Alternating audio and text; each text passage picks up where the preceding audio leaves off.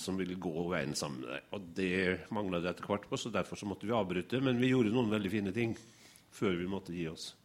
Dette var naturligvis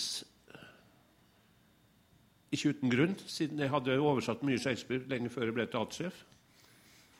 Og eh, jeg trodde kanskje at det var mulig da liksom å tvinge gjennom at Shakespeare skulle bli allemannseie også i Norge. Nå klarte ikke det, men jeg håper noen vil forsøke en gang seinere også. For det, det han fortjener han. På teatret er det, som du vet, veldig godt veldig takknemlig å gjøre det som alle vil ha. Og veldig sjelden du får takk hvis du gjør noe som er viktig. Og, men jeg angrer ikke på forsøket. Jeg kommer neppe til å forsøke igjen, men altså jeg vil bare si at utgangspunktet for dette var at ved siden av mitt eget forfatterskap så har det å gjendikte og oversette Shakespeare gjennom 40 år nå vært en veldig viktig del av livet mitt. Og jeg føler at jeg har fått lov til å holde på med noe som er utrolig viktig. Og så har jeg bare lyst til å si én ting om det. Når det da er jubileum, så begynner noen å ringe til meg og spørre var han egentlig Shakespeare. Da har jeg lyst til å si du er for dum. Sett deg inn i sakene. Jeg gidder ikke å snakke med deg. Takk skal du ha. Men det slutter aldri å forbause meg at en gjeng med sjarlataner som da har spekulert om Shakespeare var Shakespeare eller ikke, har greid å ta over den offentlige scenen. Så kunne en si at det er ikke så farlig. Idioter finnes det bestandig og sånn. Men jo, de stenger folk ute fra den ufattelige rikdommen som ligger i dette litterære verket og dette teaterverket. Derfor er det synd. Og jeg har lært noe av den store Shakespeare-forskeren Stephen Wells at uh, hvis noen spør hva er Shakespeare egentlig Shakespeare Then I leave immediately for London. Men dette er jo egentlig bare et litt underbruk av den enorme industrien som er omkring Shakespeare. Det er vel en del av disse menneskene som bare har funnet på denne problemstillingen og, og lever av å forfølge den. Men Edvard, jeg begynte litt, litt skjevt, for så vidt, men jeg hadde bare lyst til at dette, dette forrykte prosjektet ditt at det skulle ha vært nevnt i denne sammenhengen. Men det du da var innom helt uh, på tampen, var altså ditt liv med Shakespeare som gjendikter.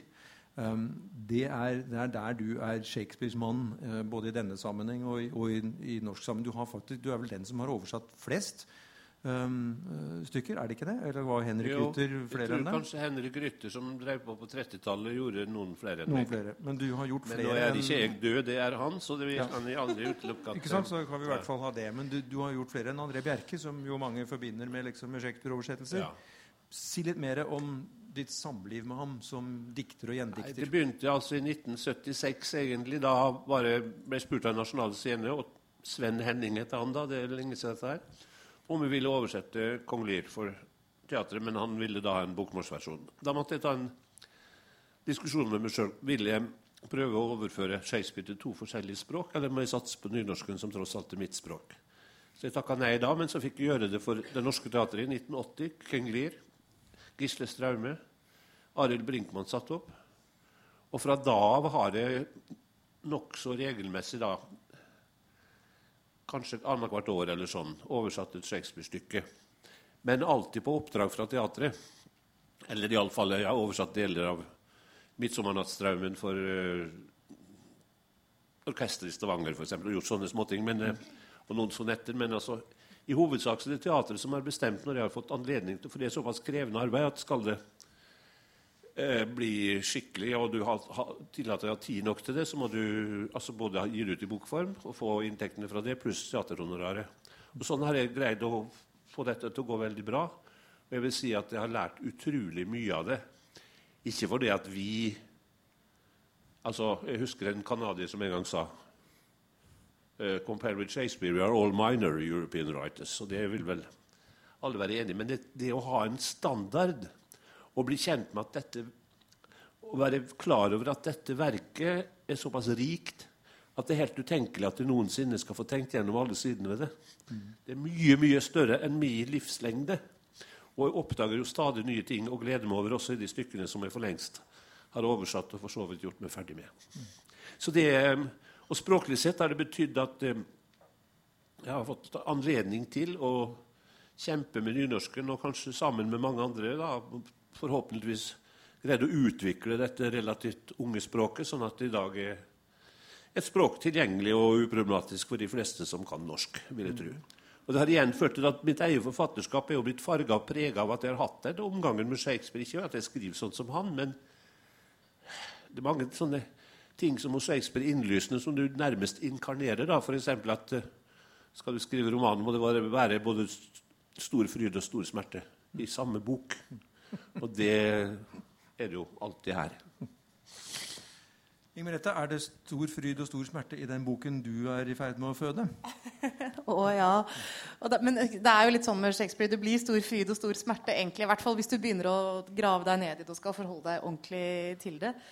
Um, jeg tenker jo litt som så at man skal ha litt sånn popkulturell flaks i livet. Altså hva på en måte som er tingene som svirrer rundt i luften når du er i en veldig mottagelig alder. Det er jo ting du ikke styrer selv. Um, og jeg er jo da født i 1980. Og da jeg var 12-13 så kom Kenneth Branaghs uh, 'Much Ado About Nothing' på kino. Uh, og et par år etterpå så kom Bass Lermans uh, Hvor mange har sett den her? Ja. Akkurat, ja, vi har interessenter. Også Ja. Bass Lermans uh, Romeo og Julie med, med Leonardo DiCaprio og, og Claire Danes. Og samtidig så Hvor mange så har sett den? Ja, litt Ja, flere. ja, ja. Litt flere, ja. Dette er menigheten, dette, Tom. Ja. Og, og Aschehoug kom med sine Shakespeare ny serie oversettelser som jeg da ønsket meg. Jeg fikk, sånn, fikk fem og fem bøker til jul av gangen av foreldrene mine, for da ville jeg lese alt. Eh, men altså på det tidspunktet da jeg var tenåring, så ble jeg slått av Shakespeare bare fordi jeg syntes det var så vakkert.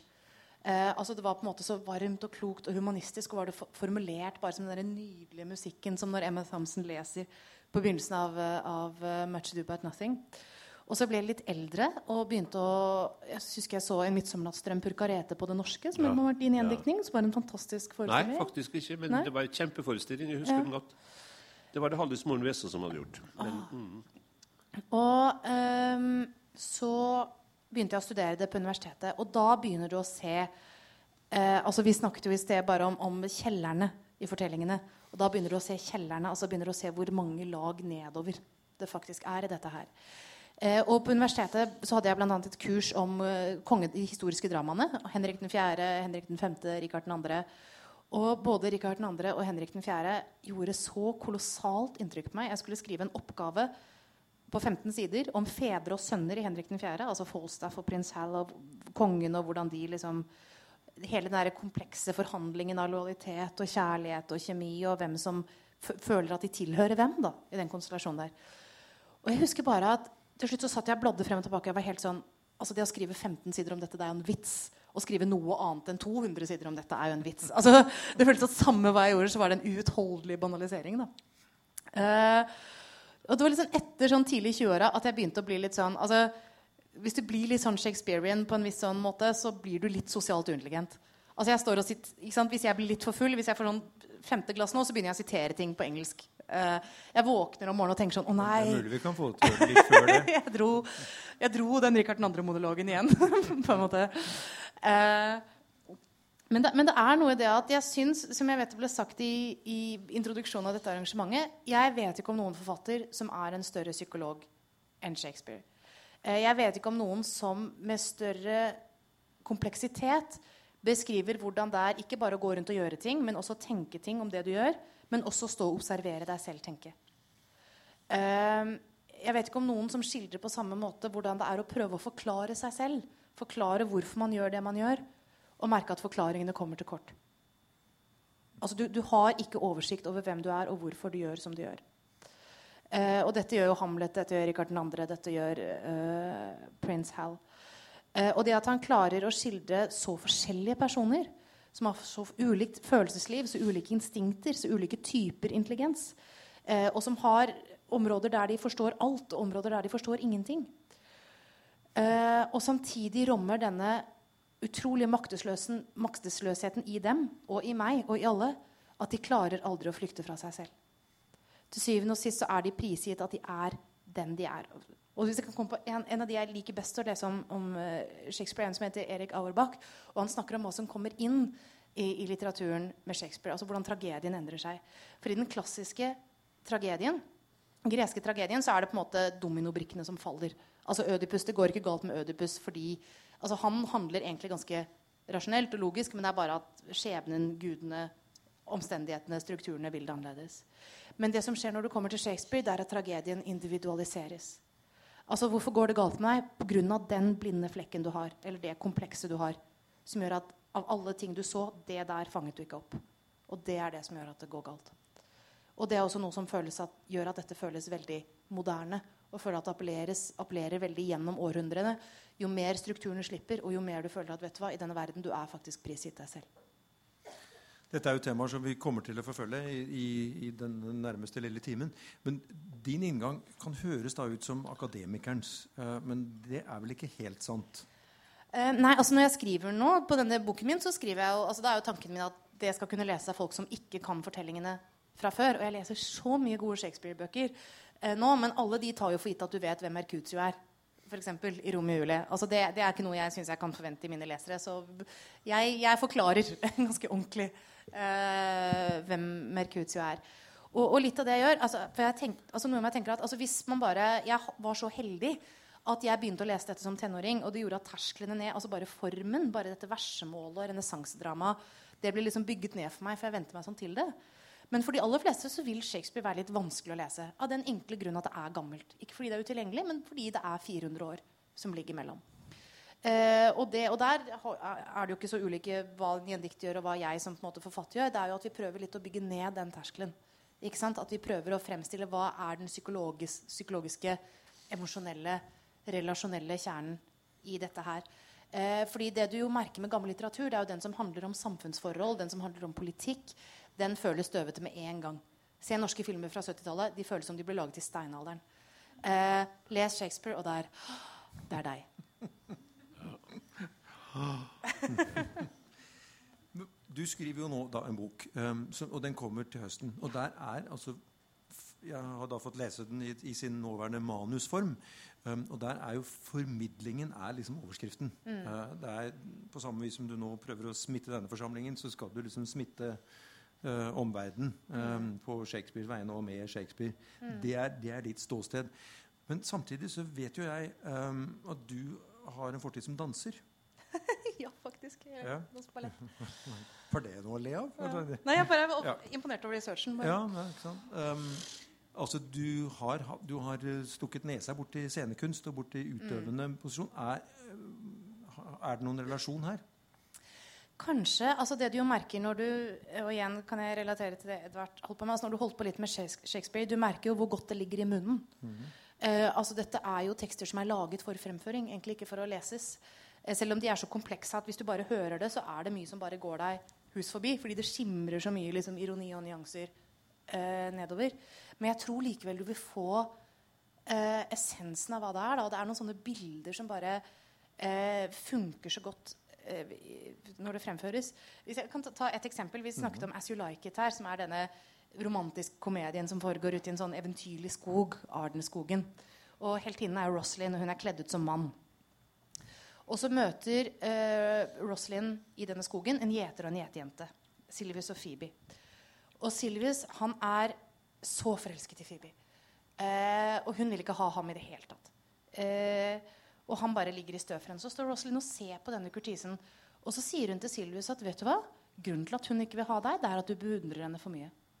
Grunnen til at hun tror hun kan gjøre det bedre, er at du får henne til å føle henne seg penere enn hun er. Fordi du ligger så sinnssykt i støv for henne.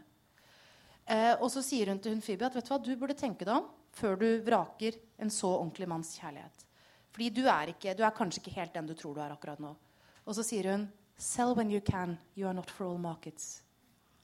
Og bare Den replikken sier jo egentlig alt du trenger å vite om hvordan Phoebe mener Nei, hvordan Roslyn mener Phoebe burde sett på seg selv. da.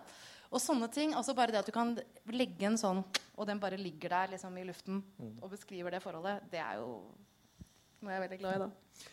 Det som er, var slående for meg med, med boka di, um, og som også er slående uh, for mitt når det gjelder, gjelder deg, Edvard at, altså, Du er jo et menneske som har vært både lykkelig og ulykkelig forelsket i teatret uh, hele ditt liv. Um, ja, det var sant sagt. Ja. ja. Um, og på den annen side, din, uh, din, beretning om Shakespeare i din, uh, i din bok med dette, er, den er gjennomført i sitt forhold til teksten, og den bruker teksten eh, som, som, kilde på alle måter. Så har du noen henvisninger til oppførelser. Eh, men ikke engang tror jeg, til det man kan kalle oppførelsespraksis. Eh, det er bare så vidt at du er innom noen eksempler på ting som har vært spilt, og gjerne filmer og den slags. ikke sant? Eh, men du, hovedsakelig er det som litteratur. Og allikevel, det tåles. Uh, og det tåles altså da f.eks. av et menneske som meg, som har inngangen til Shakespeare helt og holdent gjennom teatret. Um, så her sitter vi litt, Vi er litt tre litt, altså sånn sett med ganske forskjellige ståsteder, uh, men samtidig uh, med en nokså sammenfallende opplevelse av denne mannens enorme uh, betydning. Så tenkte, Nå skulle jeg si tre ord om, om min inngang til dette. Um, jeg leste 'Sommerlandsdrømmen' omtrent på samme alder som du da møtte Shakespeare. Um, og jeg tenkte, Hvis dette her er klassisk komedie, så må jeg ikke bare liksom gjøre opp på ny uh, min, mine forventninger til, uh, til klassisk uh, teater, men til teater i det hele tatt. Um, for det var virkelig umulig å finne humoren i dette. Um, er det andre som har hatt den opplevelsen? Ikke sant? Ja, jeg, Det så ut som det var litt gjenkjennelse der. Nå er det kanskje ingen av dere som har lest uh. For alt jeg vet, dere har bare sett det. Men poenget er um, Og jeg leste også Shakespeare i noenlunde samme nei, Hamlet, men i noenlunde samme fase, livsfase. Det er selvfølgelig et, et verk hvor, hvor, det litterære er mye enklere å forholde seg til. Um, men også der um, var det mye som jeg syntes var uh, som jeg syntes strakte i langdrag, og som jeg syntes var vanskelig tilgjengelig som noe som virkelig engasjerte meg. først Eh, når det får et faktisk liv på scenen, er det at disse verkene kommer til sin fulle rett. Men det er naturligvis tydeligst med komediene. Nå er ikke dette uh, skal vi si, eksklusivt for Shakespeare. Å lese komedier i det hele tatt er fryktelig vanskelig. Uh, men med hans er det spesielt vanskelig. Og det blir faktisk tydeligst når man leser hans middelmådige samtidige. Um, altså, uh, og kanskje spesielt de som fulgte umiddelbart etterpå, jakobinerne, som skrev altså masse komedier, og som virkelig forfulgte et kommersielt teater helt uh, hemningsløst. Der er det mye som er mye lettere å forstå som ren humor og som komedie. Og det er selvfølgelig fordi det er litt mer over i farsen uh, og litt tydeligere, litt tydeligere, og det har en litt lavere ambisjon. så det er altså skal vi si, et mindre, litt mindre litterært siktemål. Um, og dermed så, så, blir humoren mer åpenbar, um, men altså uh, eviggyldigheten uh, adskillig mindre. Så det er et interessant fenomen. Men altså for meg så er det teatret som er åstedet. Um, og at Shakespeare er sannsynligvis den enkeltpersonen som vil sikre at uh, den levende teaterkunst uh, kommer til å vare evig. Jeg synes Når vi først er her, så kan vi ta i litt. Um, det kjenner jeg meg helt overbevist om. Eh, fordi til syvende og sist så er han som gyldigst eh, oppført i nuet. Det er der diktningen eh, kommer altså helt ubestridelig til sin rett. så må jeg nok også si at det som så, etter hvert som også jeg vokste til og fikk en alder hvor det var mye å begynne å reflektere litt, så er det den renessansepersonen og det renessansesinnet eh, som man har. Eller for å si det på en annen måte altså den gjennomførte humaniteten. Det gjennomført menneskelige perspektivet. Dette er berømmelige Leonardo da Vinci-tegningen som dere alle kjenner. ikke sant? Denne sirkelen med, med mennesket inni, som, altså menneskets proporsjoner, eh, som det som også sikrer sirkelen. Um, og altså mennesket som, uh, som tilværelsens uh, målestokk. Eh, og mennesket som også da tilværelsens midtpunkt, eh, som vi fortsatt må mene at det er, selv om vi vet bedre, ehm, det eh, gjenfinnes ikke i samme Jeg har ikke gjenfunnet det hos noen dikter noe sted. Og der ligger også teatret som endelig hva skal vi si, målestokk, eller som endelig bekreftelse. Fordi teatret, scenekunsten, har mennesket som målestokk og mennesket som motiv. Eh, drama, teater, er mennesker i handling. Eh, og det har ikke mening uten et menneske som sin gjenstand. Um, så der er det et absolutt sammenfall mellom livsorientering og livsopplevelsen som gjennomsyrer Shakespeare på alle mulige måter, og den kunstarten som da er hans. Um, så er det et tredje moment som, som, på en måte bekrefter dette. Altså, en ting er at uh, han biografisk sett eller altså, Han levet jo en tid hvor det var få opptegnelser. og det var vanskelig å få tak, Men det er tross alt en god del personer som levde på samme tid, som det finnes mye materiale om. Um, men det er nesten som han drev og kostet etter seg uh, for å viske ut sporene. Um, ja, det skulle ikke forundre meg om, om han faktisk hadde en slags bevissthet om det. Men i hvert fall uh, han, han, er altså en, en, et levende menneske, og der er jeg jo helt enig med Edvard. Det er, det er en, en, slags meningsløshet å, å, snakke om at det kanskje er en annen som skrev, eller kanskje det er en, en komité som satte seg ned og, i, hjørnet av en pub og bestemte seg for å tjene gode penger på å late som de var en person som het Shakespeare. Det spiller for så vidt ingen rolle. Uh, poenget er at han selv trådte tilbake. Uh, og han selv gjorde seg uh, på det nærmeste usynlig. Um, og det er det som er dramatikerens vesen. Eh, å gjøre seg gjeldende eh, gjennom eh, andre menneskers liv. Gjennom å gjøre andre mennesker levende. Det var derfor Hamsun ble helt gal av teatret, for han tålte ikke at noe fant sted som ikke hadde ham som subjekt. Um, mens altså for Shakespeares del så er det helt åpenbart, i den grad han da fantes, og i den grad han har svaret for alle disse stykkene det, som sagt, det er egentlig bare et akademisk interessant spørsmål, og knapt nok da. Um, han hadde sine skikkelser uh, som sitt anliggende. Så vet jeg at han også skrev sonetter og alt mulig annet rart. Men selv der skjuler han jo sine spor. Um, og det er som holdning uh, i teaterkunsten er altavgjørende. Um, det er først uh, altså alle vi som er rundt uh, og lager en teaterforestilling Vår oppgave er én. og vår ultimate oppgave er én, og det er å gjøre oss overflødige. slik at det som skjer på scenen, blir det eneste gyldige. det eneste det faktisk handler om. Der, så når det er det spor av alt annet som har gjort uh, forestillingen mulig, uh, så er, vil det si at forestillingen ikke er ferdig. Uh, da lever den bokstavelig talt ikke sitt eget liv. Um, så som, som, personlighet, og slik han da fremstår, i hvert fall videreformidlet rent biografisk, så representerer han også teatret. Og så tenker jeg at Vi kommer til å snakke mer om språket, og du snakket jo litt om språket, Edvard. og Kanskje vi skal bruke da det som, som en overgang fra fra disse refleksjonene for egen del til uh, utvekslingen oss imellom. Um, for meg var det en, Som du også sa, Merete, du syntes det var så vakkert. Nå mm. snakket Du også over, ikke, du snakket om helheten, du snakket om personer og handling så vel som, så vel som språket. Men altså det at det er språket som er mediet uh, hos Shakespeare. Han skapte scenisk handling, og alt dette er sceneanvisninger er innbakt i, i, i, teksten hans. og det er, som sagt, det er, det er, ikke noe tvil om at det er teater, men samtidig så er det språket som er mediet. Um, raskt og bare, Jeg var og så Pericles, uh, som det visstnok er vedtatt at Shakespeare bare skrev halvparten av, og knapt nok det. Det ble sagt at det var siste halvdel av Pericles han skrev. Og dømme etter sånn som teksten fremsto, så kan jeg knapt tro det heller. Men uh, like fullt. Jeg så det på det som heter Sam Monomaker-teatret, som er ved siden av Er det noen som har vært på The Globe uh, nå i London? Ja, ikke sant? Uh, og ved siden av så har de jo bygget nå nylig Sam Wanamaker-teatret, uh, som altså er en, en, kopi av det man regner med var det første innendørsteatret. Eller den typen arkitektur som det første spesialdesignede Yndersteatret var. Hvor det selvfølgelig bare var mulig å spille med, med stearinlys. Det var den eneste belysningen, og det gjør de også der. Um, og de har noen enkle uh, scenografiske uh, virkemidler og kostymer, naturligvis, men i prinsippet så er det skuespillere som fremfører handlingen, um, og som selvfølgelig da har bare teksten å lene seg på.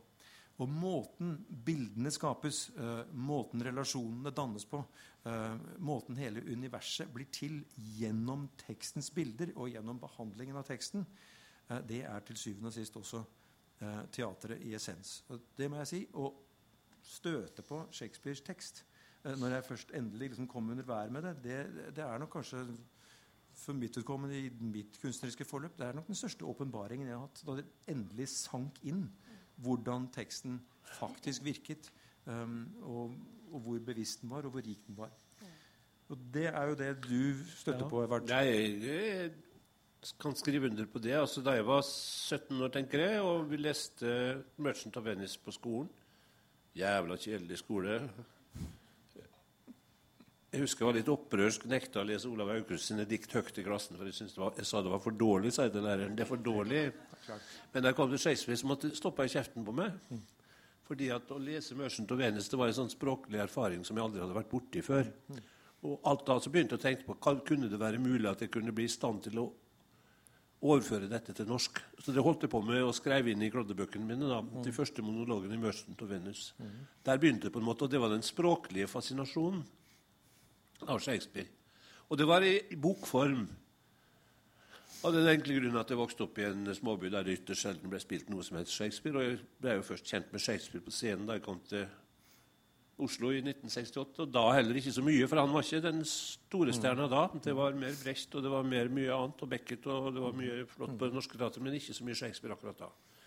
Men i alle fall eh, jeg støtter også at Shakespeare på scenen er hovedsaka. Eller Shakespeare i filmen kanskje òg, da.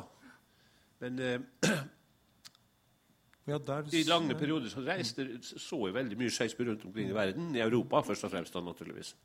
Jeg hadde et lite prosjekt som gikk på at jeg samla på midtsommernattsdraumer. Så at det var et samleobjekt for å se flest mulig. Jeg har vel sett en 20-25, men så stoppa det opp av seg sjøl, da. Men fortsatt så syns jo det. Nå var det senest forrige gang jeg var i London, så så jeg fire forestillinger på én dag. Så tenkte jeg at det, her kunne jo egentlig bli halve vinteren, for at jeg syns det er så og kvaliteten skifter jo, men det er, på, det er på scenen at Shakespeare kommer til sin rett. Og det er det scenens magi som forløser det som er det aller største hos Shakespeare. Og eh, nå lå jeg natt da jeg ikke fikk sove, så lå jeg eh, Han der Greendale. Han, han, er en veldig, han har nesten skrevet Hans bok om Shakespeare er nesten en roman om Shakespeare, for han vet jo så utrolig lite. Men han spekulerer rundt alle små detaljene. Hvor tok han det fra, da, bortsett fra at han var et geni? Det var han, altså. Det mener jeg. Han har skrevet dårlige ting òg, men altså, det, det, han var et geni. Men det, det virker på meg som om han Og kanskje Grindblatt også gjør den tabben da, at han tror at du må ha opplevd alt sjøl for å kunne skrive om det. Forfattere mener vanligvis ikke det, og det mener ikke jeg heller.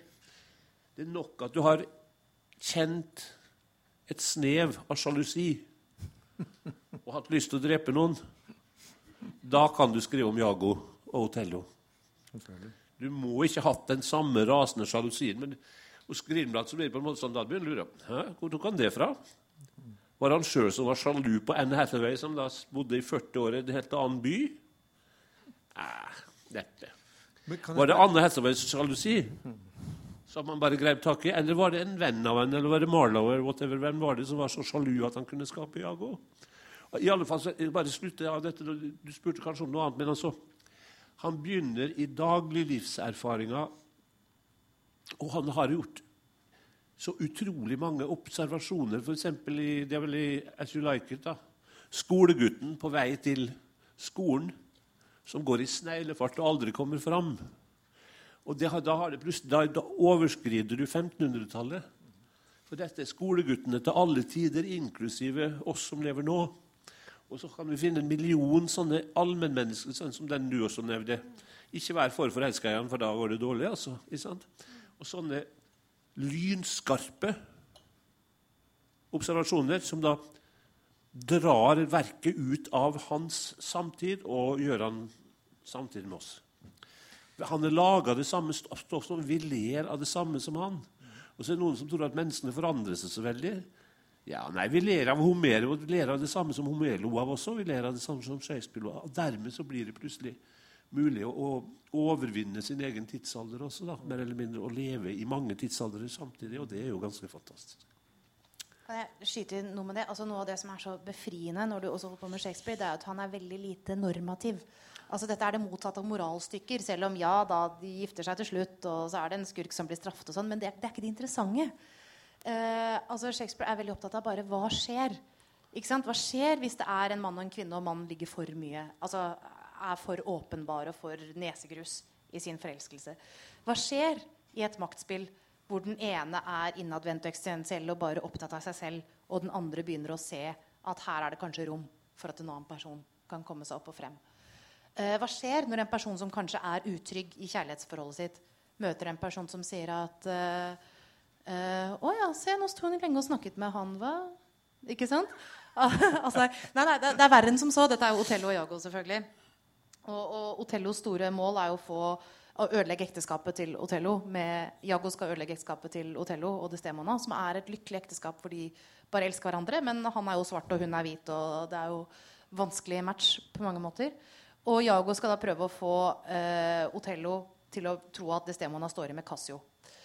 Eh, og så sørger han jo for at de går forbi når Destemona og Cassio står og snakker med hverandre. Men Jago sier ingenting. Han venter til Otello sier Var det Cassio som gikk fra Destemona der? Og så sier Ago nei. Nei, Cassio ville jo ikke sneket seg bort på en sånn skyldig måte bare fordi du og jeg kom gående. Ikke sant? Eh, så det er liksom Hva skjer da, da? Ikke sant? Altså Jago får Otello til å bli sjalu ved å fremstille seg selv som den som prøver å hindre ham i å bli sjalu. Altså, Jago er sånn som kan si det, og så sier han til Otello men nå må du ikke bli sjalu. Altså, det kan være ødeleggende. Vi vet jo ikke noe om dette her. Altså, det er manipulasjon på et ganske høyt nivå, da, hvor han bare sørger for at Otello nesten ødelegger seg selv. Han trenger ikke å gi, altså han gir bare det lille hintet som gjør at Otello maler alle mulige ja. hinsides bilder i sitt eget hode. ikke sant? Eh, så på en måte de identifiserer disse fryktelige skurkene, manipulatorene etter Shakespeare, de identifiserer på en måte sin motstanders svakeste side. Og så bare stikker de nålen sin, sin inn akkurat der. Og så det som skjer, er at den personen imploderer. da. Du ødelegger deg selv eh, pga. den ene tingen som du ikke kunne holde ut. Eh, og, og, sånne ting er jo Og, og det, at dette skjer på en både veldig sånn humanistisk, men også på en måte veldig observerende måte. Eh, og det er jo veldig fascinerende. Merket dere hva som skjedde nå? For det første så beskrev hun en situasjon som var eh, helt begripelig. Um, men så agerte hun også en person som var ytterst gjenkjennelig. Her kommer regissøren ja. min inn. Um, og, altså, en ting er situasjonen, som altså Shakespeare har generert. Um, og det er situasjoner det handler om. Det er derfor det er drama. Men i tillegg, Jeg spurte begge om da, Shakespeares uh, språk og tekst. Jeg fikk jo ikke noe svar på det. Men uh, et slags svar er fordi uh, i original Dette du nå parafraserer, da Ehm, det ville langt på vei være umulig å unngå ehm, som tolkning. Eh, fordi teksten er så førende for hvorledes skikkelsen eh, hvorledes skikkelsens indre liv er, og hvorledes skikkelsens handling er. er i hvert fall min påstand. Altså det er, det er ikke bare det at det er et forløp uh, og et, handlings, et handlingsmønster, men det er også psykologi som ligger i selve teksten. Og det gjør jo det å oversette det eh, ganske krevende, eh, vil jeg tro, Edvard. Jo, det er jo krevende å oversette det, men altså Det som jeg syns jeg har lært av det å holde på med dette, da, at det er ikke min sak å tolke teksten. Ofte når en leser en vitenskapelig utgave av en Shakespeare-tekst, så vil du finne at det fins minst to-tre forskjellige mulige måter å forstå den bestemte linja på. Mm. Men jeg tenker det, det er ikke min business å ta stilling til alternativ 1, alternativ 2 eller alternativ Jeg må prøve å berge over metaforikken og bildene her. Og der har vi jo veldig mye flaks, da, for at vi er norske og såpass nær det engelske språket, enda det virker så ukjent for oss. Jeg, måtte, jeg satt og leste om Marlow, om det var i går eller en dag, jeg husker ikke. Men der står det da i rapporter fra den tida om Marlow at han døde i en krangel om regninger. Som betyr rett og slett regninger på nynorsk også. Han døde i en krangel om regninger. Og det Nå kan vi jo ikke umiddelbart forstå, men 200 år før Shakespeare så kunne vi forstå. Og Derfor er tonefallet i Shakespeare, og spesielt i nynorsk, vil jeg hevde Vi har den samme lette forholdet til blankverset. Vi kan eh, vi snakker jo nesten på blankvers rett som det er, uten å være klar over det. For at blankvers er den verseforma som ligger nærmest den menneskelige talen. da. Og når det da skal oversette, så tenker du jeg vet ikke, Det er jo det er et intuitivt arbeid. Du kan ikke analysere det fram til det. Vi har jo eksempel på at de største Shakespeare-ekspertene i Norges land har oversatt Shakespeare med grufullt resultat. Fordi at de ikke skjønner at det er den poetiske magien i teksten som skal over. Det er ikke en fortolkning av teksten. Nei, men, dette, den er, men, den er, samtidig så skal man altså Fordi uh, Shakespeare skrev for teatret. Um, og altså, disse stakkars skuespillerne, det var 14 stykker av dem eller sånt, i, i, The Chamberlains Men og The Kings Men etterpå, um, de hadde et repertoar på 20-30 stykker uh, som de skulle kunne. og som de hadde kort tid på å innstudere. Um, og, altså, de, de, det var hardt arbeid. Uh, og Derfor var det desto viktigere at uh, spillet allerede var avlesbart og faktisk til og med opplevbart gjennom teksten. Så linjebruddene uh, hos Shakespeare er ikke bare fordi han kommer fra enden av liksom femte jamben. det er rett og slett fordi det er et lite pust. Ja, det, er, ja, ja, ja, det er altså et skifte av intensjon er bygget inn i tekstens konstruksjon. Og halve linjer eh, innebærer at en tanke blir brutt, osv. Ja. Um, dette er selvfølgelig fordi at han hadde dårlig tid. Um, så er det jo ikke totalt og 100% konsekvent, men det er langt på vei, det. Akkurat som hos Ibsen så er det jo en helt ubegripelig mengde utropstegn. Det er virkelig dårlig norsk. på en måte. Um, men det er fordi han skrev for skuespillere. Um, og det var viktig for ham uh, å få understreket hvor det var en ekstra intensjon, og hvor det ikke var det. Um, og så videre. Men hos Shakespeare er dette uh, veldig veldig mye uh, tydeligere av, av, ren nødvendighet. Og det gjør jo uh, da gjendikteroppgaven mer krevende. Men det gjør også da men, les, leseroppgaven Kan jeg få lov å sitere bare fire-fem linjer her nå fra ja. As You Like It? Fra din egen gjendiktning. Ja. ja. Ja, ja, ja ærlig talt. Må, måtte du sjekke det, ja? Nei. Eh, men det, det, visuelle i det, sånn at det umiddelbart går over dersom du greier å dra med deg bildet. All verden er en scene, og menn og kvinner bare opptrer der. De går av scenen, og de gjør entré.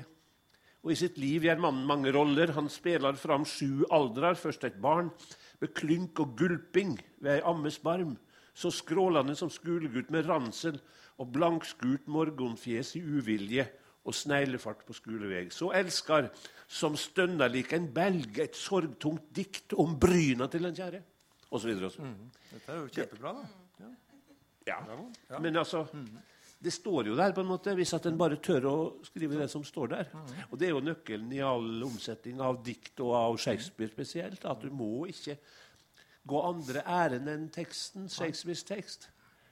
Når noen sier i Edvard Hoems versjon, så tenker jeg nei, det prøver jeg faktisk å unngå. altså.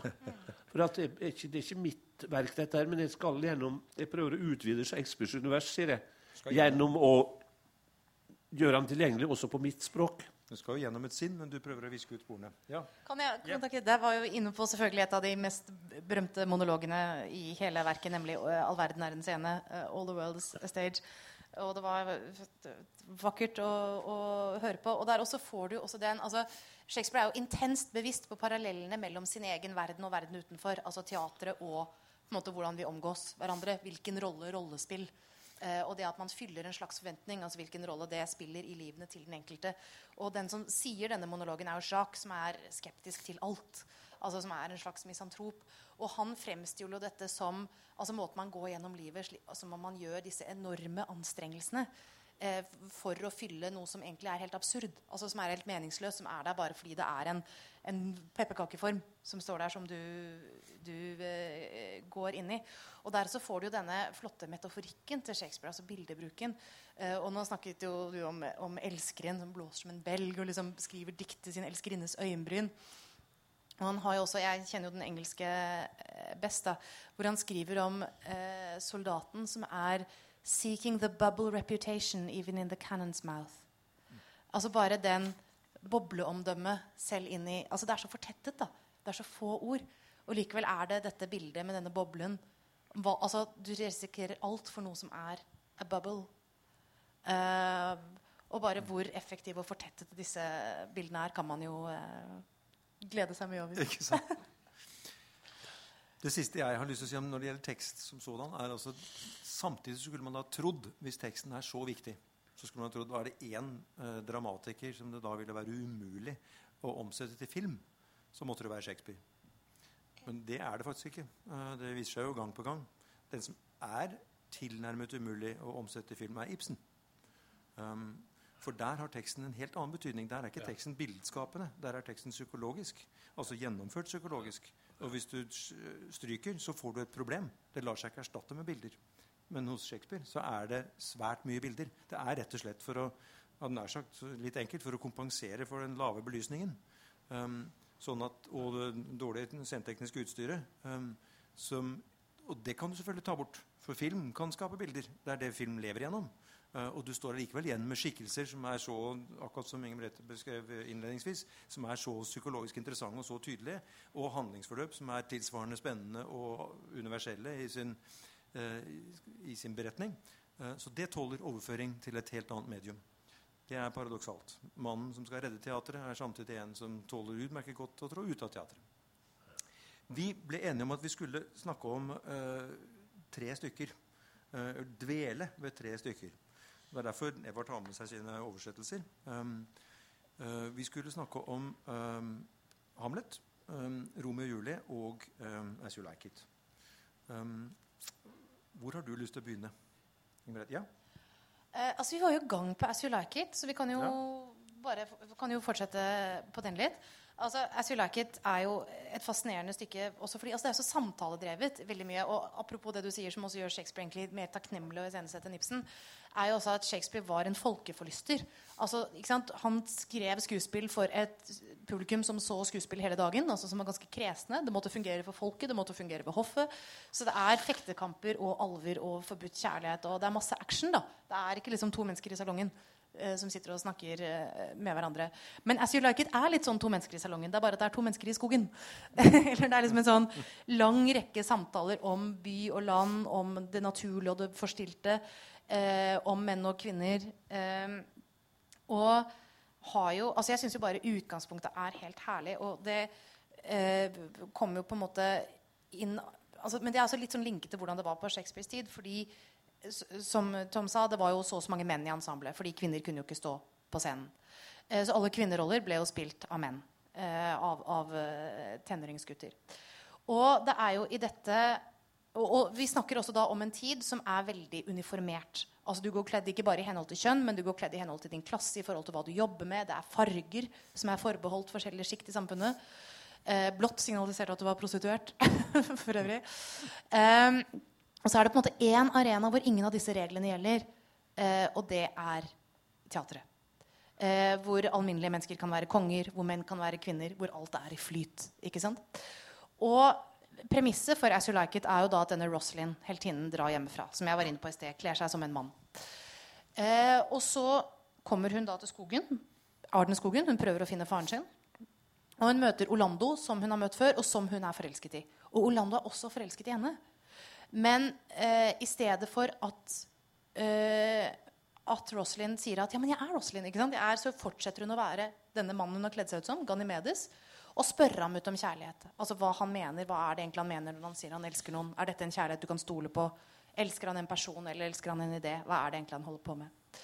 Og noe som er en artig ting ved dette, er jo at altså for Shakespeares publikum så er jo dette i utgangspunktet eh, en mann som spiller en kvinne. Ikke sant? Det er en gutt som spiller Rosalind. Så kler Rosalind seg i mannsklær og drar til skogen.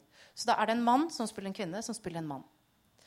Og så sier Rosalind til Orlando når de har disse lange diskusjonene sine om kjærlighet eh, Men ok, hvis du sier at du elsker denne Rosalind så mye som du gjør, gjør kur til meg som, kur som om jeg skulle vært Rosalind.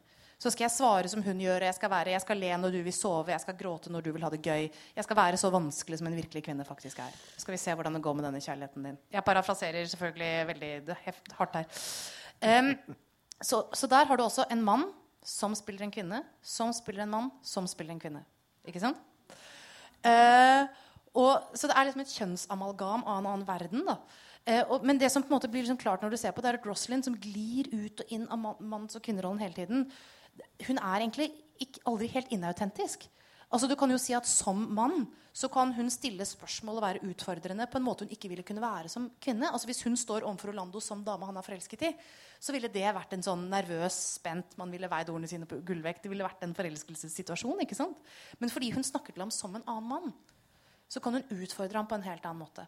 Og be ham redegjøre for hva han egentlig eh, føler, og forklare liksom svakhetene i hva han, eh, han eh, legger frem.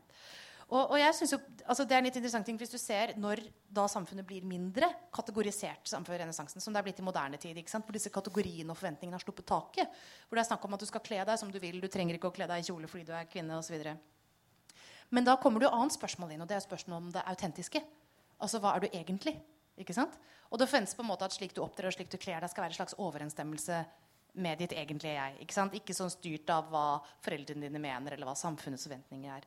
Og da er du i den situasjonen at man kan si at Caitlyn Jenner, som skifter kjønn, er, sant, må være seg selv, men du avlyser barnehagekarneval i Trondheim fordi alle jentene vil være prinsesser. For det regnes ikke som noe oppriktig og autentisk. Det regnes som noe kommersielt. ikke sant? Men i As You Like It så får du den følelsen at det å skli ut Altså begge roller er deg. Det er bare forskjellige versjoner av deg. Ikke sant? Det er forskjellige sider, forskjellige spørsmål du har lyst til å stille, som du kan stille i forskjellige utgaver. Og det er noe av det fascinerende ved det stykket. Edvard? Det var en veldig god forelesning. Jeg vet ikke om jeg skal fortsette veldig mye på den. Men... Jo, det synes jeg du skal. Du, du, sa jo det at man trengte jo ikke ha opplevd disse tingene for å gjenfinne dem og, og altså oppleve dem i eget liv for å likevel oppleve dem i diktningen. Du sa det ikke akkurat slik, men det var, et forsøk på en liten bro over til Så hvis du nå er elegant, så bare tar du den imot. Ja. Men jeg må tilstå det om at dette stykket er det som det er vanskeligst for meg å skrive om. av en eller annen grunn, og Jeg kan ikke riktig forklare det, men jeg, noen stykker som jeg har oversatt, 13 alt i alt, er veldig presente. Mm.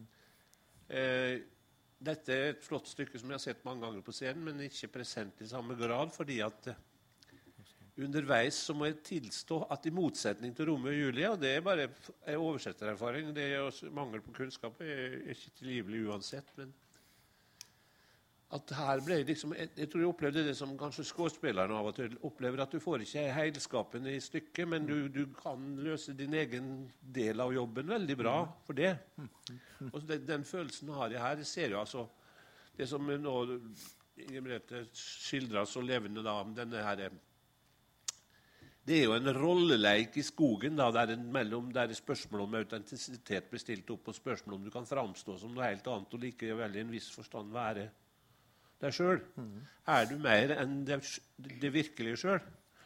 Har du flere identiteter bortover? Vi kan jo dra det inn i en helt eh, moderne kontekst for så vidt, og menneskeforståelse som, eh, som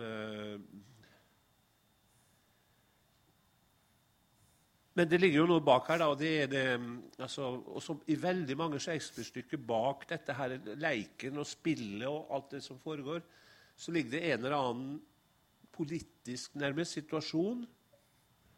Hertugen avsatte sin bror. Det er, veldig, det er, et mønster som går igjen flere steder. Sånn at verden kommer litt ut av lage. Men da kan vi se hvordan det sanne mennesket ser ut. Noe sånt. Og det er en annen dimensjon med altså det fantastisk store med Shakespeare. Hvis jeg nå fikk lov, eller hvis jeg hadde vært alene om dette, så kunne jeg gått over til å snakke om Romeo og Julie. ikke sant? Men du får lov hvert øyeblikk. Kunne, ja. du, kunne du, bare si, altså, as you like it, Hvor mange alternative uh, titler hadde du på norsk før du ga deg? Ja, Det er jo en, det tar jo aldri slutt. Nei. Men... Foran, foran på boka så står det 'As you like it', og står 'Som du vil'. Ja. Uh, det finnes jo 20 tittelforslag på norsk og dansk til sammen. Ja hva de enn behager, og mm, hva de vil, og akkurat som de vil ha det. Eller. Men hvordan skal tittelen forstås?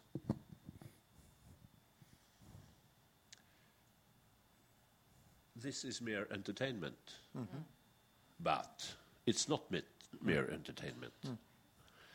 Jeg later som når jeg, Shakespeare var jo han, Det er helt riktig at han gjemmer seg bak verket.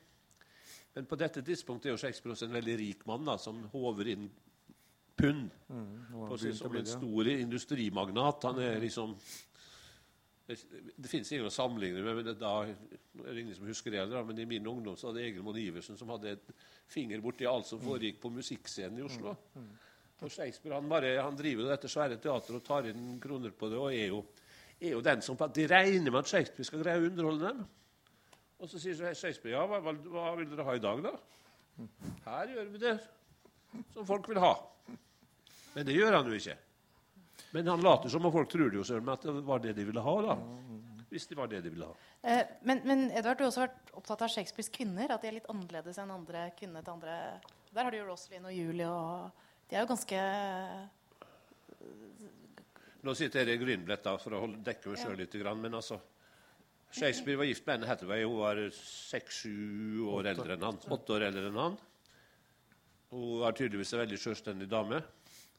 Mange har rota seg bort. Var det et ulykkelig ekteskap, dette her? Ja. Hvorfor reiste han og var borte fra familien hele livet og bare kom hjem en sjelden gang? Kanskje bare fire ganger i året? Det er sånn moderne problemstilling. Sjøfolk reiste og var borte i ti år av gangen den gangen. Det var helt naturlig at damene var hjemme og passa barna. Det var ikke noe med det. Han kunne ri i to dager, så var han i Stratford. Han var sikkert der oftere enn vi veit om. Men altså, han hadde noen erfaringer med damer som kanskje var litt utafor Og det, vi må huske på at altså, renessansen var annerledes enn det, forknytte kvinneidealet som vi forbinder med viktorianisme og sånne ting. Der jernkorsettet satt på helt til du var gammel jomfru, omtrent. Mm. Det var jo ikke sånn det var ute i folkelivet. Heller ikke, men altså, I motsetning til all, nesten all annen litteratur som jeg i fall kjenner fra denne perioden, så dette er selvstendige damer som har, tar selvstendige valg. De er ikke alltid liksom på kant med samfunnet. Når Romeo og Julie da, nå begynner det. Når Romeo, når Romeo møter Julie, så går det tre minutter, for hun har bestemt at de skal til sengs. Men først skal de gifte seg, og det må han ordne. Og det er litt kvikt, sånn at de kan komme til sengs. Hun sier ikke 'vi går til sengs uten å være gift'. Nei, nei, nei, nei. det er helt umulig. Men det, men det tar jo bare det tar virkelig to minutter før det er avgjort at det er det de skal midt oppi dette helvetet av to slekter som tar livet av hverandre i et bankende kjør, så er det bare én ting som står i hodet på dem. Og at de skal komme sammen når hun er 15 år og de skal til sengs. Punktum. Fordi at ekstremsituasjonen avslører menneskelig grunntrekk, tror jeg. I krig blir det tydelig hva vi står for. Og svik og død og liv og vennskap det viser, blir satt på prøve. Og Veldig ofte så ser du at det, det er en slags uro i bakgrunnen. Det er den, der Shakespeare levde jo liksom virkelig en overgangsperiode da, mellom den gamle og den nye tida. Den moderne mennesket som tar skjebnen i sin egen hånd, og som slutter å forlite seg på Gud og maktene. Enda mange gjør det her. De sier at oh, it's the stars står det over hele veien, som bestemmer vår skjebne. Men i praksis er det jo i Shakespeares stykker ikke det stars som bestemmer. Det er vi som går fram sånn. Og så gjør vi en bitte liten feil og så bærer det rett utfor og ned av avgrunnen. Kongoliet sier jo å vesle, og vesle feil. At han forkasta sin datter i Cordelia. da. Å vesle feil som hos meg, da. Like ei kjempevåg av grunnen heiv meg. Altså en liten feil i et, en bestemt situasjon. Tragedien er neste. Mm. Og og dette her er litt vaklende fundamentet det er også en livsfølelse som jeg tror vi kan kjenne oss veldig godt igjen i. da. Jeg vet ikke hva folk tenker om verden, men altså nå, ekstremt nå Ikke bare flyktningkrisa, men alt som skjer, da. Altså, Rune og hele banden, altså. Det, det, det, er litt sånn, det er litt sånn Shakespeare. Går det, så går det. Altså, eller Moral og anstendighet blir satt veldig på prøve, da. Og egeninteresse og maktspill og sånne ting er liksom dagens orden. Og oppi dette her må man spørre er det noen som er trofast mot hverandre i dette onde verden, eller er det, er det, finnes det noe som er sant? Fins det noe som er ekte? Ja. Og da syns jeg at det er lykkelig at jeg ble kjent med dette her stoffet, her, for at her er det anskueliggjort på en utrolig nær kan jeg kommentere? Du, du har jo byttet over til nå Rom i juli. Så uh, Merete vil nå snakke videre om Rom i juli. Ja. Um, vil du snakke om det du skriver om i teksten din? Uh, at det, man kan spørre seg om grunnkonflikten i Rom i juli lenger er gyldig og begripelig for en nåtid? Ja, altså, det, ja, ja, det er, altså Rom i juli er en fabelaktig tekst. Og, og, det er sånn tekst som veldig mange føler at de vet hva det handler om. Og på en måte gjør det jo det. Det er to familier som krangler. Det er to tenåringer som forelsker seg fra hver familie. De vil ha hverandre. Det går ikke. Så det er på en måte egentlig den ultimate, rene, idealistiske, ungdommelige kjærligheten som ikke kan overleve. Eh, men hvis du ser på teksten, så er det selvfølgelig ikke så enkelt der heller. Eh, en interessant side av det er jo for øvrig akkurat det Edvard påpekte, at det er jo Julie som styrer. Eh, altså Det er jo hun som tar initiativet, og hun som skjønner at hun må bolte dette her ned hvis det skal, eh, skal bli noe. Eh, altså Romeo bare diller jo rundt og bare Han snakker jo bare om så forelsket og forelsket, forelsket og Julie som sier ja. Ja, men da skal vi slik, da skal vi sånn, da skal vi der. altså hun, Det er hun som sitter og ja, styrer hva som skjer. Men hvis du ser på Romeo og Julie, så har også Romeo og Julie har også et fantastisk birollegalleri. Eh, altså Det er jo Ammen, som jo er en fantastisk rolle, som er den som har tatt seg av Julie siden hun var liten.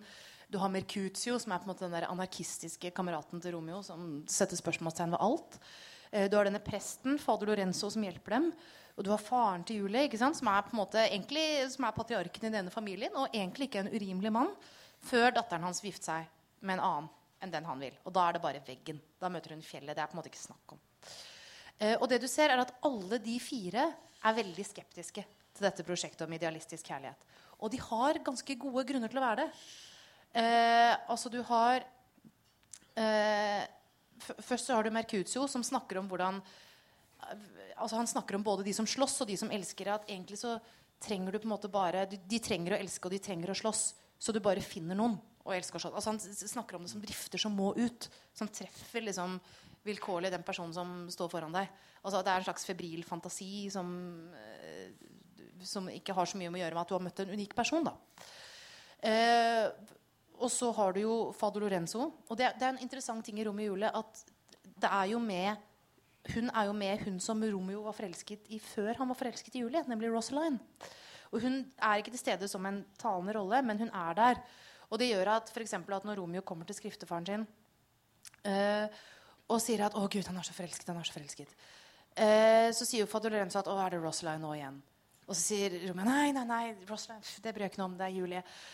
Eh, og da eh, sier jo fader Rensa at det er sant som de sier, at men, unge menns hjerter eh, Men det er kjærlighet, unge, en ung manns kjærlighet lies not, in his heart, but in his eyes. Mm. og at det skifter når du møter noen som er eh, litt penere. Og det er han som også sier at these violent desires have violent ends. Eh, and when they kiss, consume like fire and powder.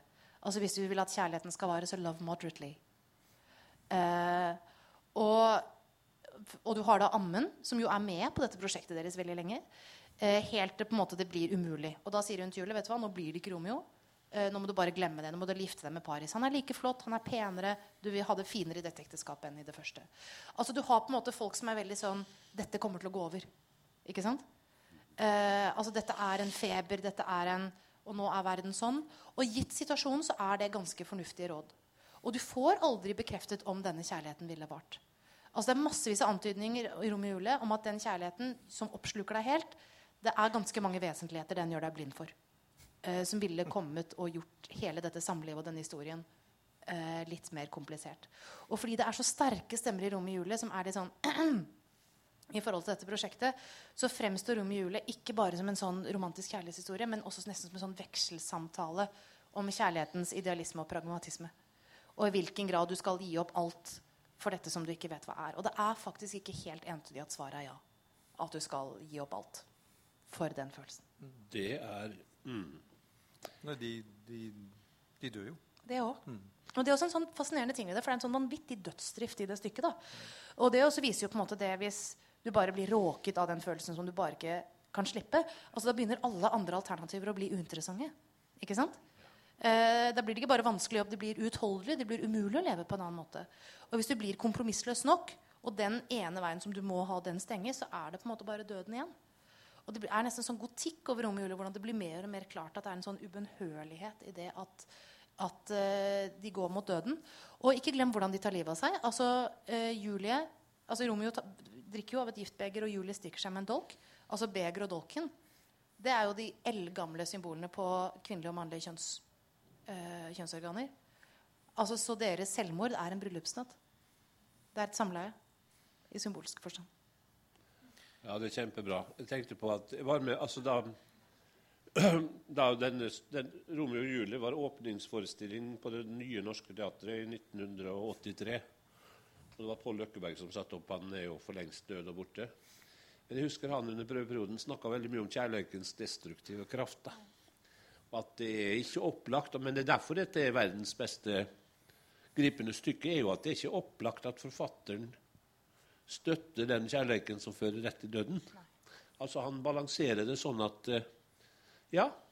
Og det, det romantiske sida som har grepet ungdom til alle tider, er jo at du bare går rett i døden, for at det var så stort at, at du bare gjør det. Men i, i, det er veldig dobbelt i skuespillet. Det, det du husker også fra da jeg oversatte det. Det stykket har jeg revidert tre ganger så at, at eh, Det er også noe sånn eh, stutedumt i dem. Mm. Altså det, det, det, det, liksom, det er bare Det er enten, Blindt. enten eller. Blindt, ja. Og det er fascinerende, men altså Når, når Ammen spør fader Lorenzo etter at det er blitt klart at Romeo blir landsforvist, så spør hun hvor Romeo er. Han sier nei, han ligger i cellen min. Drunk on his own tears. Ja. ja. Dere, vi, um, vi hadde satt oss for å snakke om Hamlet. Um, verdens beste stykke. Ehm, vil du åpne det ballet, Edvard? ja, det er jo mest present, da, siden det var det siste jeg gjorde. Ja. Ja, kan, du, kan ikke du lese den monologen fra Hamlet som du vil bli husket for selv? Ha-ha. Ja, men da må, jeg, da må jeg bla litt, da, vet du. Ja, men gjør det mens du sier noe. Bla mens du sier noe, ja.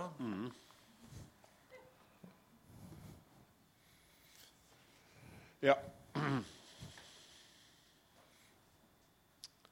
Det er jo et stykke som er blant annet, blant svært mange andre ting, kjent for sine monologer. Som jo er blitt Ja. stående som Ja, ja. selvstendige utsagn og som eksistensielle eh, erklæringer. Um, det er jo derfor jeg gir Edvard den utfordringen. Så skal vi få Ja. avslørt hvor han står eksistensielt. Dette velger litt overraskende, da. Det er etter at Ofelia dør, sier dronninga Et piletre står lutende ved elva og spegler lauvet i den blanke straumen. Der fletta òg en krans av pileblad, soleier, nesle, tusenfryd og vendel. Som kåte gjetere gir grove navn, men reine møyer kaller daumannsfingrar. På hengegreiner kleiv hun for å feste sin villblomstkrans. Da knakk en svartsjuk kvist, så hun med denne villblomstkransen fall ned ei elv i gråt. Men kjolen flaut, og lik ei havfrue vart hun båren, alt medan hun sang gamle salmetoner, som om hun ikke såg sin egen nau, eller som et vesen født og innvigd just til dette elementet. Lenge gikk det ikke, for klærne hennes, tunge av sin drykk, dog, drog denne stakkars jenta ned fra songen til død i gjørma. Der dør hun. Der døde Ofelia. Men det, den, er jo full, den boka er jo full av sånne store monologer, da.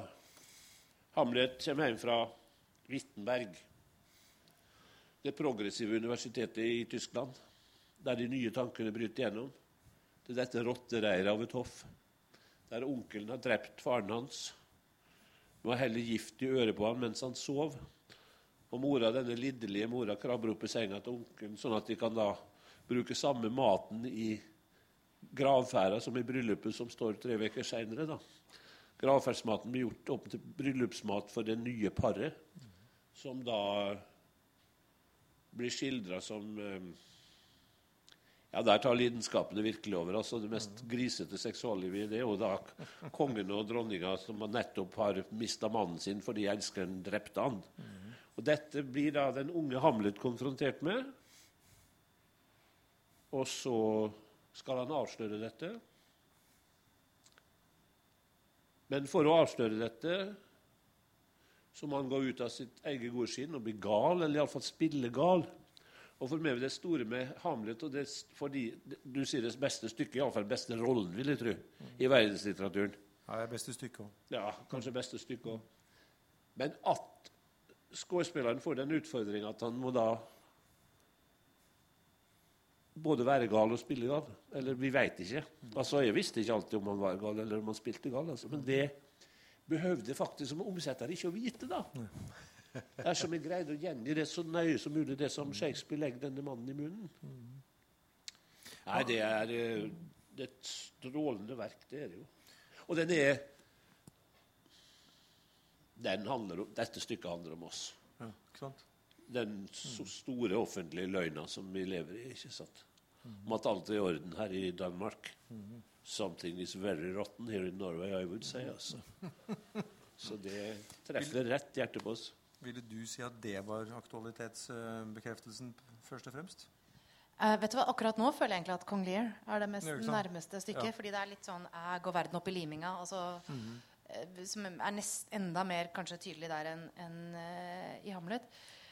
Men, Men, men, men hva er det som gjør Hamlet til verdens beste stykke? ja, altså det, er jo, det sies jo at det er det mest komplette psykologiske portrettet i, i verdenslitteraturen. Og det var litt det jeg var innom innledningsvis. som var at altså Hvis du har eksempler på en person som, egentlig, som handler og tenker, men også observerer seg selv tenke, Altså Hamlet er jo verdensmester i akkurat det der.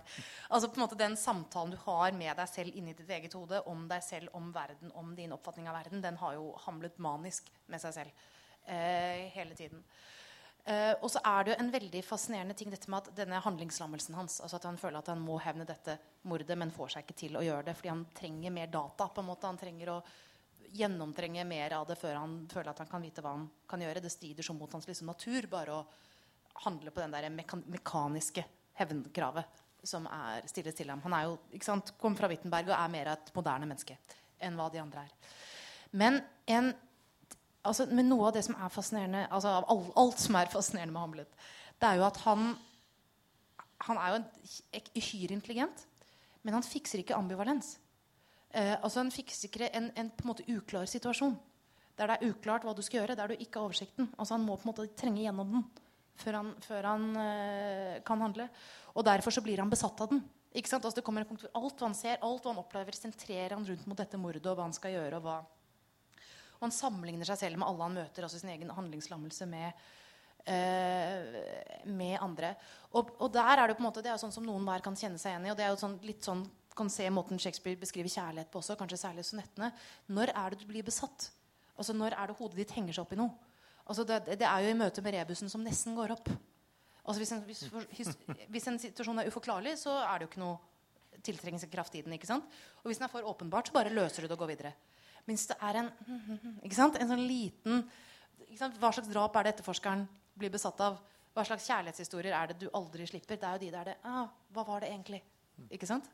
Og der er det jo noen i Hamlet altså Det er jo Fortinbras, som hele, prinsen av Norge, som stilles opp som det handlekraftige alternativet til Hamlet. Han bryr seg ikke så mye om det. Han bare Ja, men da gjør vi det. Boom. Ikke sant?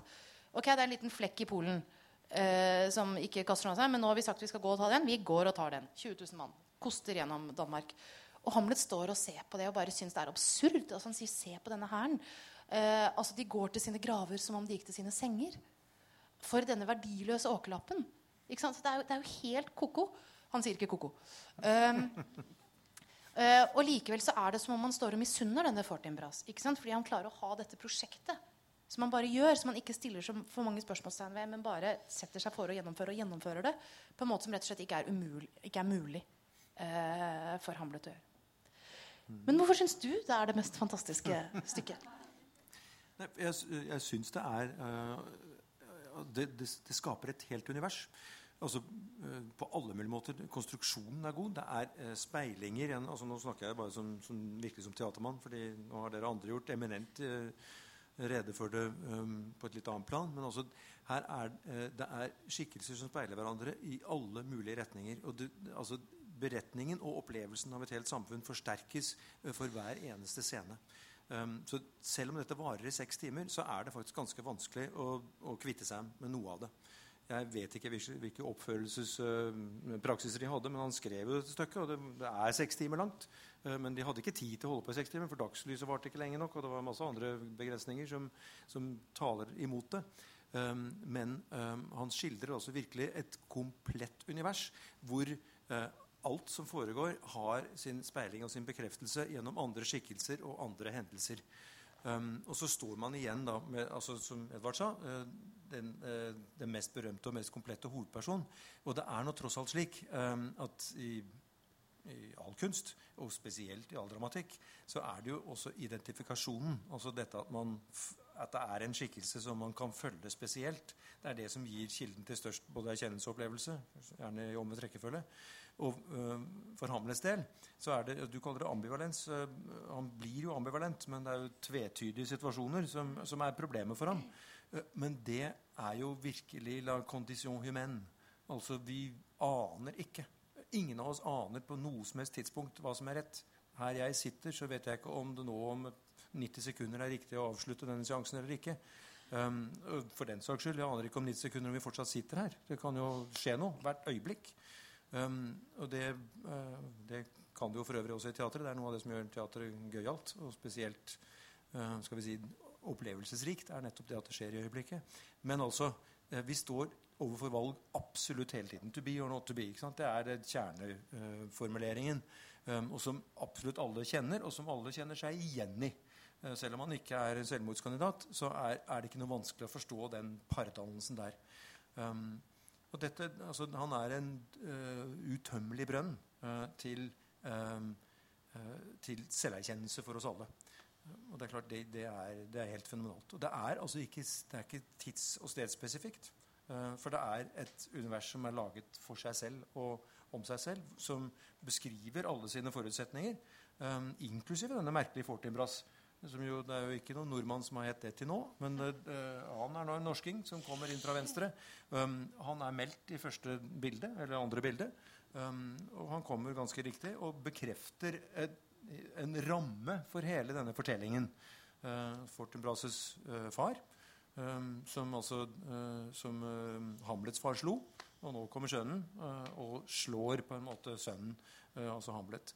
Um, bare det um, er, er, en bekreftelse på hvordan som sagt, dette her er et univers hvor alle det, dette universets nødvendige øh, skal vi si, øh, betegnelser, eller alt det som, som, skaper dette universet, er å finne i stykket og ikke, øh, ikke utenfor. Um, og bidrar alle sammen til uh, å akkumulere til noe som er, overstiger summen av, av enkeltfaktorer. Um, så det er, det er endeløst opplevelsesrikt. Um, det er helt fenomenalt. Um, ja, og slik, slik, kunne man fortsette. Altså bare En mann som Osrik. Er det noen som husker hvem han er? Ja, er, ja altså I teaterlivet så er han innbegrepet av birolle. Altså, Roskald Kilstern er skikkelig store størrelser i forhold. Osrik er denne mannen som kommer inn og har én scene, men den er helt avgjørende. Um, og det er mange skuespillere som sier ja, det vil jeg gjerne Jeg vil gjerne gjøre Osrik. Um, fordi han er ikke bare et fjoll som kommer inn med, med brev og melder fra om noe, um, og så går det ut igjen. Uh, men det er hva han bringer med seg av verdisett, hva han bringer med seg av løgnaktighet, hva han bringer med seg av opplevelse av hva som gir hans liv og hans funksjon mening. Det er ubegripelig med, altså med en skisse som er gjort med en blyant som knapt er spisset. Så har du skapt et, et helt liv. Ja, det er, da, som du skjønner, dette utløser lidenskap hvis man har befattet seg mye med det. Eh, du hadde lyst til å si noe, og så skal jeg si noe helt til slutt. Men jeg må si noe, jeg òg, vet du. Ja, ok da. Kan ikke si noe. Nei, men Det spørsmålet Kasper, er det største av det største, mm. det er et plagsomt spørsmål. Mm. For jeg må si at Det var bare én gang jeg har tenkt at dette er tross alt det største. Mm. Og det var verken Hamlet eller Romeo og Julie. Det var Henrik den fjerde. Ja. Den fjerde, ja. ja. Ikke femte engang? Nei. Nei. Mm. Så men det er jo, for, det, er jo det? det, som gjør det stort. da. At, at, for, hvorfor det? Ja. Hvor lang kanskje ombestemme neste gang. Henrik Fjerde er to deler, bare så dere vet det. Ja. At, eh, at, um, at, det nok skifter gjennom livet hva du vil vurdere som det største. da. Men altså, hvis en snakker om det mest fullkomne, så er det Hamlet. Mm. Det er det, altså. Ja, det var det. Det, det jeg fort skulle bare si om Hamlet, det er jo at fordi det er et så rikt stykke, så kan det også settes opp og vinkles på bare én million måter. ikke sant? Og det har vært spilt så utrolig forskjellig, og det har inspirert så mange. altså Det er en ting jeg sitter og skrevet om det nå. det som er jo helt eh, altså Hamlet er teksten hvor jeg bare har en kuttejobb foran meg som er helt vanvittig. fordi altså, Det er liksom ikke én filosof eller forfatter fra si sent 1700-tallet utover eh, som ikke har vært inspirert eh, av Hamlet. Goethe var det, Nietzsche var det, Hegel var det, Freud var det, Voltaire var det, eh, Strindberg var det. Eh, altså Det dukker opp i alle disse stedene. Og du ser at det er så mange som opplever dette stykket som relevant for sitt liv. Eh, men på så utrolig forskjellige måter. Altså For Goethe, ikke sant, som lever i måte romantikken og skriver om unge verter, eh, så snakker han om at Hamlet er en vase som man prøver å plante et grantre i. Ikke sant? Altså han er for, Det er jo noe med oppdraget og personen som er så utrolig mismatchet. da, ikke sant? At han kommer til å bryte sammen eh, under det presset. Og du har selvfølgelig Freud, som har Ødipus-komplekset, men som egentlig er inspirert mye mer av Hamlet eh, enn det er eh, av Ødipus. Eh, og som snakker om hvor bare, altså fordi Hamlet er jo besatt av sexlivet til moren sin. Altså Ingen bør snakke i slik detalj om sexlivet til moren sin som Hamlet snakker om sexlivet til sin mor. Eh, og, og, se på relasjoner knyttet til det. Og så kommer du bare til hele historien om Hamlet i eh, det kommunistiske Sovjet. Eh, og altså hvor, hvor, det ble sensurert. Eh, fordi det også er en subversiv side i det. Det er kongen som er tyrannen. Og det er, og det er, noen som har snakket om det, hvordan Hamlet og det, veldig mange av oppsetningene som skjedde i Russland og i Øst-Europa bak jernteppet, det gikk jo på det altså Var veldig opptatt av Hamlets språk og Hamlets ironi. Og hvordan snakker du når du ikke kan snakke fritt? Ikke sant? Det er noen som følger med på deg, så du kan ikke si akkurat det du mener. Men du klarer ikke å si det motsatte heller. Du klarer ikke å jatte med. Så du ender opp med å si noe som ligner, men ikke er helt. Noe som snor seg rundt hva du egentlig ble spurt om. Eh, og, og, danser unna i det som i praksis er et eh, overvåkingssamfunn. Og alle disse tingene er, finner du masse stoff for i den teksten. da. Ikke sant? Altså Det passer inn i alle disse sammenhengene og i 2000 andre. Og Jan Kott, som ble nevnt her i sted, altså han, han, skrev denne Shakespeare Contemporary i 1966. Da prøvde han å få oversikt over hvor mye Hamlet-litteratur det fantes. Og han fant ut at alle liksom, bøker og artikler som var skrevet om Shakespeare, ville vært dobbelt telefonkatalogen i Warszawa. Eh, bare oversikten over det. Så der har du det. Mm. Du nevnte ikke Ibsen som en som da har vært inspirert av Hamlet. Um, men han, Ibsen har faktisk skrevet sitt eget Hamlet-stykke. Er det noen som vet hva det heter? Nå skammer Inger Merete seg, for hun syns hun burde vite det. Nei, jeg bare venter på... Du venter på det rette svaret? Okay. Du så så kledelig ned. Hva heter det? Uh, jeg tenker at det er Brann. Nei. Nei. Kongsemnerne. Hva? Kongsemnerne. Nei, altså, vi snakker Hamlet her. Gjengangere heter det. Og Hamlet heter Osvald. Oh, ja, og Gjertrud heter uh, mora hans, hva hun heter nå, husker jeg ikke. Ja, og så videre. Det er et blåkopi. Tsjekhov har også skrevet uh, sitt, Hamsen, uh, sitt ham, Hamlet-stykke. Det er lettere å Hvem vet hva det heter? Det er alltid gøy å stille sånne spørsmål. Hva? Det heter Måken. Ikke sant? Det er akkurat samme mønsteret. Mm. Ja. Altså Det jeg hadde tenkt å si som en avslutning, um, var egentlig der hvor uh, Edvard begynte. Um, og som dere sikkert har skjønt, at uh, i hvert fall dette trekløvet her um, også mener, og dessuten åpenbart har opplevd, og det er at akkurat her så er man rett og slett i selskap med et geni. Um, og Det er jo ord som er litt det er kanskje litt på vei inn i, inn, inn, i, inn i, stuen igjen. Det har begynt å bli mulig å, å snakke om genier, men en lang periode i mitt liv i hvert fall, så å snakke om genier var en uting. For det var ikke tilstrekkelig egalitært. Um, men i dette tilfellet så er det et geni, og det er et absolutt skille. Jeg har for egen del bare opplevd noe tilsvarende, og det er um, mellom Ibsen og alle hans samtidige. Altså Ibsen skrev jo egentlig stykker som, som Bjørnsen hadde skrevet før. Men forskjellen er altså mellom uh, den enestående og den geniale. Og Det samme er så til de grader tilfellet med Shakespeare. Altså Lese alle Shakespeare samtidig, og det er de samme stykkene. Eh, samme konstruksjon, samme dramaturgi, samme samfunn, og ofte de samme, altså samme personene. Hamlet er jo skrevet eh, fantes jo flere Hamlet-stykker. Um, men er, altså forskjellen er helt påtagelig. Uh, den lar seg rett og slett ikke, ikke oppleve. Um, og Derfor er det man jo da markerer 400 år uh, ved mannens sannsynlige bortgang. Nei, han gikk vel bort nå. Det, var, det, det vet vi. Det vet vi. Ja. Men det, det, man ikke på en måte, Jeg opplevde som litt sånn skuffende detalj, det var at man har jo vært lenge sagt at Shakespeare og Cervantes døde på samme dag. Eh, jeg tror det er 26. april, mm. egentlig. Mm. Eh, men så viser det seg altså at i Spania så hadde de skiftet til den gregorianske kalenderen. Og det hadde de ikke i Storbritannia. Så de døde faktisk med en ukes mellomrom. Oh. så mm. ja. Ok, dere. Ja. Der, eh, det, var, det var i hvert fall det jeg mente var tidsspennet vi var tilmålt. Eh, men som dere skjønner, disse to kunne i hvert fall snakket eh, inn i evigheten om denne saken. Men takk for oppmerksomheten.